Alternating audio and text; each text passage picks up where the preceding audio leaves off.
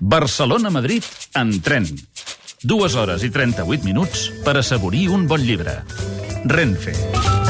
De seguida l'agafa el Màrius perquè avui presenta a Madrid justament el Barbàlia en versió castellana. Sí, senyor. Ara, d'aquí un moment, agafarem aquest tren amb un bon llibre i aquesta tarda a la Biblioteca Nacional presentarem Barbàlia Jocs, uh Ahà. -huh. que també ha sortit en versió castellana, perquè vegin, senyors amics del Pedro J, que aquí treballem en totes les llengües que, que, que, que, que podem, eh? Anem pel llegit d'avui. Sí, senyor. Comencem amb una il·lustració musical que ja veuràs que ens posarà, ens relaxarà molt. Proudly swept the rain clouds by the cliff. Johnny Cash. Sí, senyor. Johnny Cash cantant Aloha. As aquell tema que també cantava Elvis Presley en la seva pel·lícula, i això és per il·lustrar, perquè és una cançó que surt en una novel·la, primera novel·la d'un autor novell, però tanmateix veterà ja, d'edat, Branco el Dàlmata, novel·la de Rafael Bernabéu, que acaba de publicar edicions de 1984. Aquesta és una novel·la situada en una illa eh, croata, a Còrcula.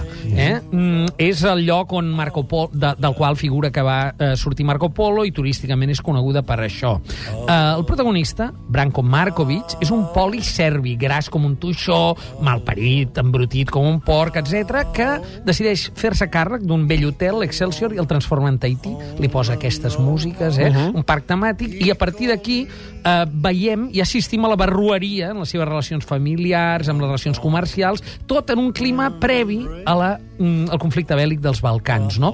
Eh, està molt ben ambientada. En Rafael Bernabéu és un autor, com et deia, veterà, que s'autodefineix com a xarnego del Carmel, que va optar per la llengua catalana, que treu aquesta primera novel·la. Potser al final he trobat una resolució un pèl decebedora, però li dono tres L's perquè val la pena. Branco, el Dàlmata, edicions de 1984. Molts clau. Turisme, massificació, Balcans, abús, poder i lletjó.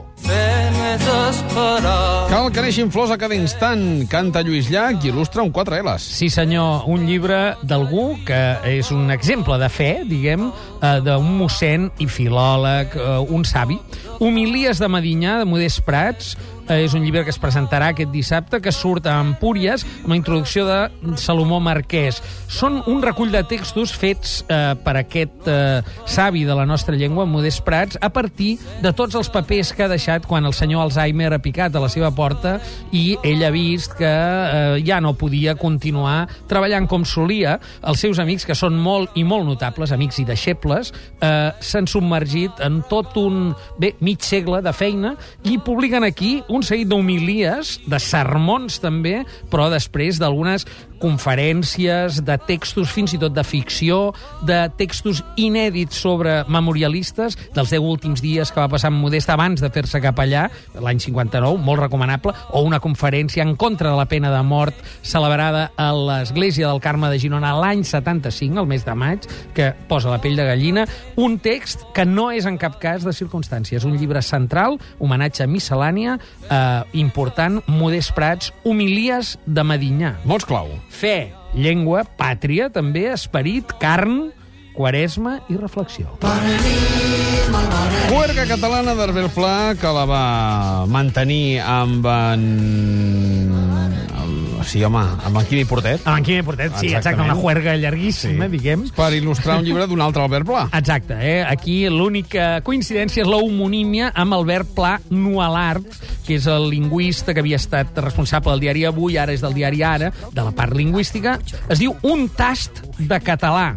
Eh? Aquest llibre acaba de sortir ara, ara llibres, i eh, són 200 consideracions molt afinades. Eh, sí que ve dels seus articles, però ha estat retreballat en el llibre, de manera que pot servir com a eina de consulta a algú que té una ment oberta, ara que mai no admetria la colla de barbarismes que l'Albert Pla canta a la seva feliç juerga catalana que il·lustra aquest llibre. El vist que és esplèndid. Sí, senyor, i un anem, tas de català, també. Anem a saludar Ferran Torrent. Ferran, molt bon dia. Bon dia. En Ferran és un dels nostres narradors més consolidats. Entre les seves novel·les trobem Gràcies per la propina, Societat limitada, Boulevard dels francesos, però ja tenim, des de la setmana passada, Ombres en la nit, publicada per columna. Relata el periple del gitano valencià Santiago Cortés, un supervivent de l'Holocaust, que després de sortir del camp de concentració de Dachau, torna a la seva terra, al País Valencià, a final de la dècada dels 40, on es troba amb la misèria de la postguerra espanyola. Hem de parlar d'Ombres en la nit un dia amb calma amb el Ferran Torrent, però avui li hem fet un, un atracament, com els que fem sempre aquí a l'Electoràlia. T'hem demanat, Ferran, que ens recomanis cinc llibres que t'hagin emo- emocionat, impressionat o que potser t'han fet enfadar. No sé, no sé per on has fet la tria. Bueno, jo te parlaré de llibres que m'han agradat. Eh, comença ja? Sí? El cànon, mira, el primer és el Parrals de batalla, Reis i elefants, de, eh, de Matías Senart, Ah, Aquest és, el vam recomanar des d'aquí, és recent, una gran novel·la, sí senyor. una gran novel·la. Breu, intensa i boníssima. Uh Mhm. -huh. Ara estic llegint el mapa i el territori, porta si no fa la, la meitat, Sí. i a mi m'està agradant. Dir, I jo pense que m'agrada, perquè el Mitchell Houellebecq a mi eh, m'agrada, no? Potser ja tinc el prejudici de que me va agradar, i pro probablement no m'agradarà. Plataforma o què, què és el que més t'ha agradat fins al moment de, de Houellebecq? Home, el seu tremendisme i sobretot que es trau com a personatge ell i sí. es descriu magníficament perquè sí. jo ja, a mi ja m'havien contat alguna cosa d'ell i el que m'imaginava d'ell coincideix en el seu personatge absolutament, no? eh, Doncs ja veuràs, ja veuràs com avança la novel·la, t'agradarà, jo crec, aquest mapa i territori. Sí, no? Sí, Això m'han sí. dit també un amic. Està bé, Eh, està a bé. mesura que pugues avançar t'agradarà més encara. Sí, senyor. Doncs Hi ha un llibre que fa temps que vaig llegir i em va agradar molt, mmm, que es diu eh, Pensadors temeraris. Uh -huh. Eh? Bueno, aquest eh, en realitat seria Pensadores temerarios, no sé si hi ha la traducció al, al, al català, d'un tal Marlilla. Eh, el vas comparar jo per dir, eh, bueno, sembla que pot ser interessant, i efectivament ho és, sobretot per dos personatges que a mi m'han interessat, que és el Walter Benjamin sí. i el, el, el Heidegger i la, i l'Anna Arendt, no? sobretot per la relació mm, estranyíssima entre el Heidegger i la, i l'Anna Heidegger, no? Per fer una mica, he fet una tria una mica que era tot. I ara vaig a fer una cosa que, que de la gent que té prejudici potser se'n recorda els meus familiars, Ai, ai. però, però per, per una raó. Està editada per les FAES, eh? atenció. Vinga. Però són les memòries de Jean-François Rebel. Mhm. I es diu El ladrón en la casa vacía.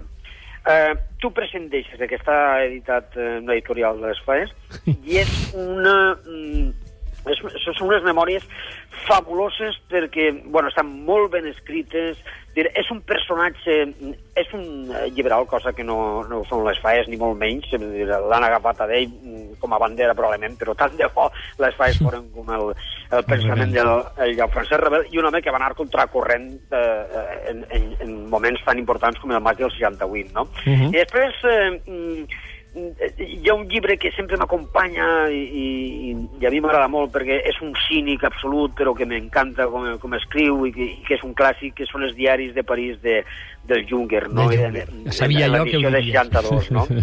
sí, és, és molt cínic però és tan intel·ligent i escriu tan bé que mira, estic enamorat sobretot de la part de París de la part de, de, de, la, Unió, de la Unió Soviètica ja no m'interessa tant no? Uh -huh. Més cínic que Houellebecq, fins i tot, o no? Perdó? Més cínic que Houellebecq o no?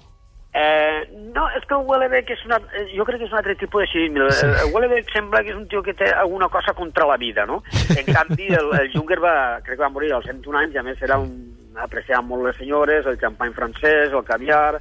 És diferent, eh? Tu sempre, Ferran, sempre t'he sentit parlar bé del Junger i sempre l'esmentes. Jo esperava aquí pacientment a veure si també el posaves. Eh, vols dir que no l'has fet servir, no t'hi has inspirat una mica per alguns dels personatges de les teves novel·les en alguna No. d'aquesta idea? No, la veritat. No? Diré, Mai? Jo l'admire mm, perquè és molt intel·ligent i això, però eh, jo, distem moltíssim, a gran distància de, del senyor Junger, no? En Pau Descanse, però... No, tu sí, tu sí, volia dir algun dels teus personatges, no?